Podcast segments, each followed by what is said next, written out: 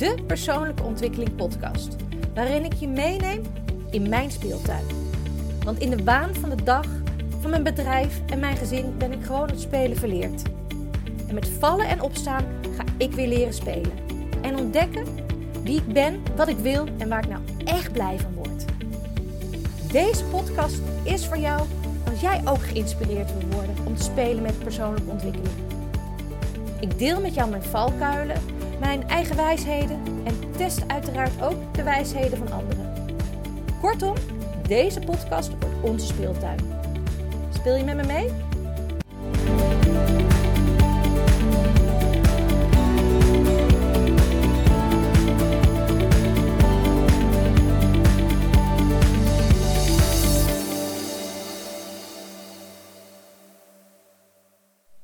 Hey, leuk dat je weer luistert.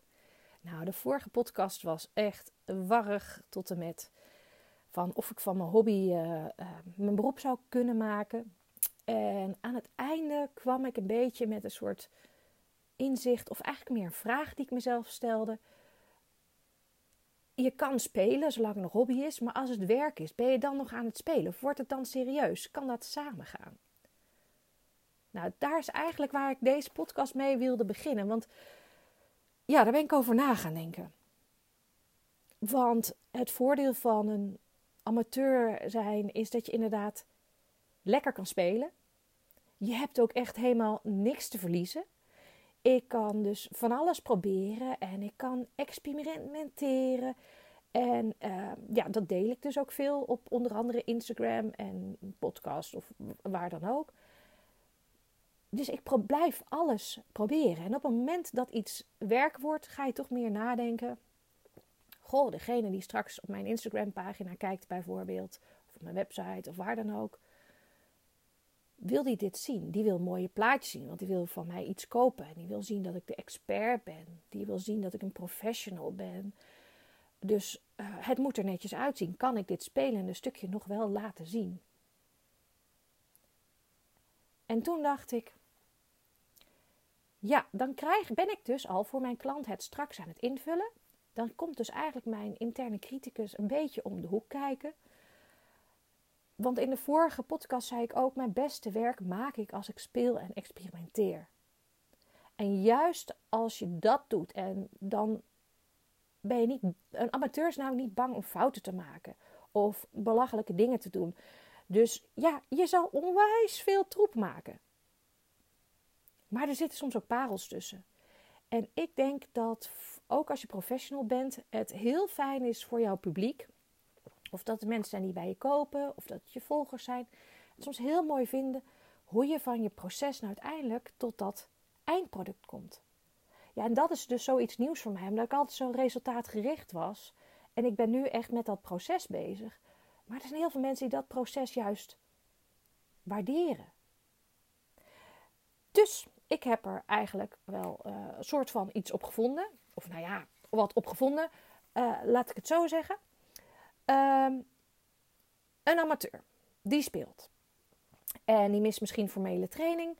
Daarom wil hij ook gewoon graag blijven, uh, blijven leren. Wil die delen. Wil die uh, spelen. Dus ik blijf amateur.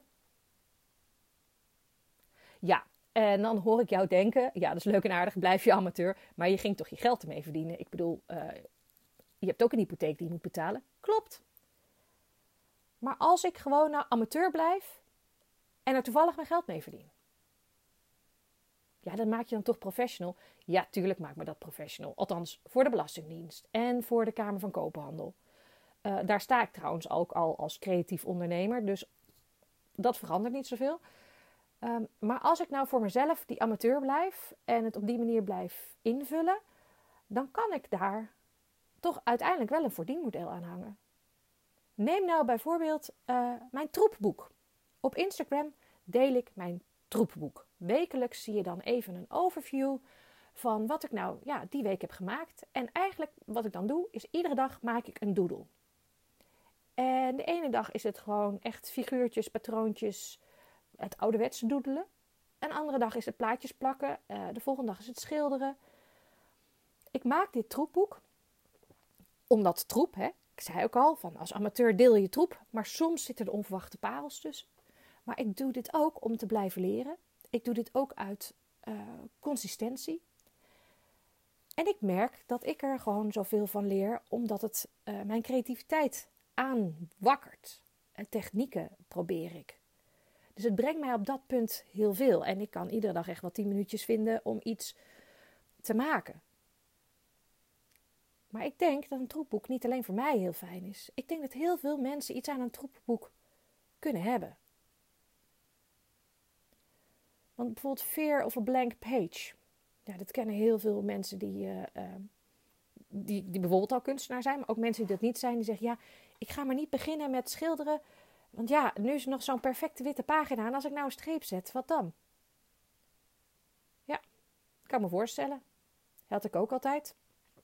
En dan verkramp je en dan doe je dus maar niks. Terwijl als je die ene streep zet, weet bij God niet tot wat voor moois dat allemaal zou kunnen leiden. Dus een troepboek helpt je ook uit een bepaalde comfortzone te komen. Van ik probeer ik het, maar het is, het is gelukkig een troepboek. Dus het is een wat, misschien een goedkoper boek. Misschien heb je niet de beste materialen. Maar dat maakt niet uit, want het is per definitie troep. Maar misschien wordt het wat moois. Dus het, een hele andere insteek in dat boek. Dus het hoeft ook niet meteen mooi te worden. Wat ik merk dat voor mij helpt, maar ik denk ook voor heel veel anderen. Jullie weten dat ik uh, ja, door mijn long covid gewoon het niet zo lekker met mij gaat. Maar ik merk dat dat bijvoorbeeld ook zijn slag heeft over hoe ik mentaal nu in het leven sta. En dat klinkt heel stom. Maar het doet wat met je als je gewoon echt heel lang achter de feiten aanloopt. Eigenlijk en daarvoor met een burn-out en alles. Het maakt je gewoon wat depressiever. En om niet helemaal stil te blijven staan en niet helemaal, uh, is mijn troepboek een soort safe haven. Mijn troepboek is de plek waar ik toch nog eventjes een beetje soms wat van mezelf vind. En als ik het niet vind, is het ook oké. Ik kan daar uh, bepaalde gedachten misschien ook in kwijt. Ik kan daar dingen in kwijt. En soms zie ik dan opeens een roze streepje en dan heb ik toch een soort sparkle of joy. Dus het geeft mij, door fysiek bezig te zijn, door creatief bezig te zijn, heeft meteen effect ook op mijn mentale gesteldheid. Dat schijnt ook volledig bewezen te zijn. Vraag me niet in welke studie, vraag me niet waar. Uh, het staat vast ergens. Uh, maar het schijnt als je dus creatief bezig bent, je boort de andere kant van je hersenen aan, waardoor je dus een soort stofje vrijmaakt, waardoor je toch wat, nou niet instant van depressief vrolijk wordt, maar je gaat een stap zetten. En um, niet betekent dat ik nu helemaal gelukkig ben. Nee, want ik heb, wat ik al zei, ook echt wel. Ik zit vandaag ook niet zo lekker in mijn vel. Maar als ik eventjes mijn troepboekje doedel, geeft dat wel een soort van voldoening of zo. Soms wel een kleine spark of joy, inderdaad, als ik dat fijne roze streepje zie. Het helpt me dan ook gewoon om mijn stiften op te ruimen hoor. Dan uh, ga ik ze sorteren op kleur en dan ga ik ze sorteren op soort of op maat. Of... En daar doe ik er niks mee, maar dat is gewoon mijn vrolijkheid van kleuren. Het, het helpt mij, het, geeft mij weer een soort orde in de chaos. En dat is wat mijn troepboek ook voor mij doet. Als je vol zit, gooi het eruit. Dan staat het op papier, zit het niet meer in je hoofd. En sommigen doen dat met schrijven, maar dat kan in je troepboek, kan het ook met, met beelden die erin zitten. Je troepboek kan je, het brengt mij een boel, maar het kan andere mensen ook zoveel meer brengen. En uh, je hoeft het niet zoals ik dat doe nu dagelijks. Ik doe dit nu dagelijks. Dat is een soort challenge die ik me gesteld heb, zeg maar zeggen. En bij het begin was het best lastig. Dat ik dacht, oh, hoe kom, wat ga ik morgen tekenen? Of dat ik zoiets heb, ja, maar ik heb nu nog creativiteit en ik mag pas morgen. Hoe ga ik dat doen? Dus het is ook niet makkelijk geweest. Zes weken lang moet je echt wel de tijd nemen voordat het routine wordt. En nu is het mijn routine. En nu is het een soort fijne houvast in mijn um, routine. Maar het hoeft dus niet. Een troepboek is ook gewoon fijn van, nou, nu moet het even uit. Toen ik mijn morning pages schreef, en daar heb ik dus ook eerder al een podcast over gemaakt moest dat dagelijks en dat deed ik ook dagelijks. En als ik dan een dag oversloeg, werd ik eigenlijk nou niet boos, maar wel van, hè Arnie, dit kan je toch wel? Maar toen ben ik op een gegeven moment gaan denken, het gaat erom wat het me brengt en niet dat ik het moet doen. Dus als ik een dagje oversla, prima, doe ik het morgen weer. En ik zou je verklappen, in dat troepboek heb ik ook echt wel een keertje gewoon stiekem twee tekeningetjes gemaakt. Zodat ik dan wel zeven die hele week had. Who am I kidding? Wie hou ik voor de gek? Echt als lekker mezelf. Nee, pak het. Het fijne van een troepboek is dat hij eruit mag zien zoals jij wil. Van de binnenkant en de buitenkant. Er mag instaan wat je wil. Je mag erin kleuren, je mag plakken, je mag knippen, je mag alles doen.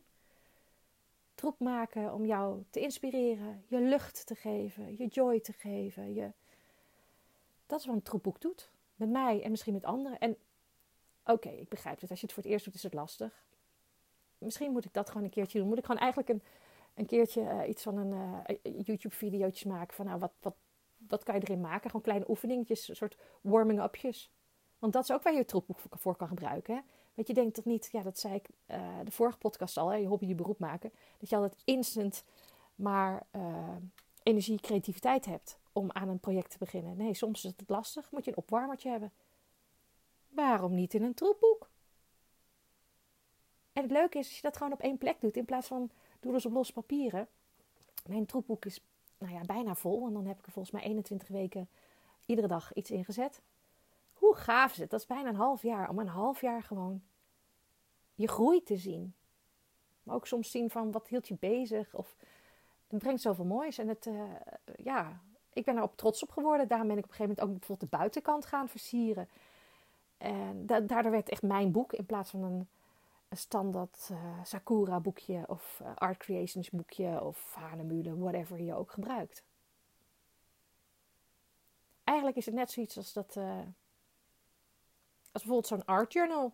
Ik heb bijvoorbeeld als ik op vakantie ga, dan heb ik mijn travel journal en dan plak ik daar soms stukjes in van een, van een foldertje waar ik die dag geweest ben. En ik kleur het een beetje bij. En heb gewoon iedere dag ook een, een soort plaatje.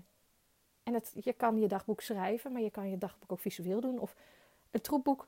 Het is troep. Je mag het ook gewoon door elkaar heen doen. Maak het je dagboek.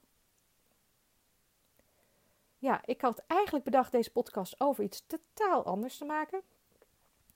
Uh, nou, dat ga ik denk ik ook nog wel doen een volgende keer. Maar nu is dan dus even, uh, in plaats van het bruggetje van mijn antwoord van je hobby, je beroep maken, of je dan nog wel kan spelen. Uh, ja, dacht ik ergens anders naartoe te gaan, maar zit ik nu opeens in mijn troepboek. Maakt niet uit, heb je een heel mooi troepboek ehm, verhaal.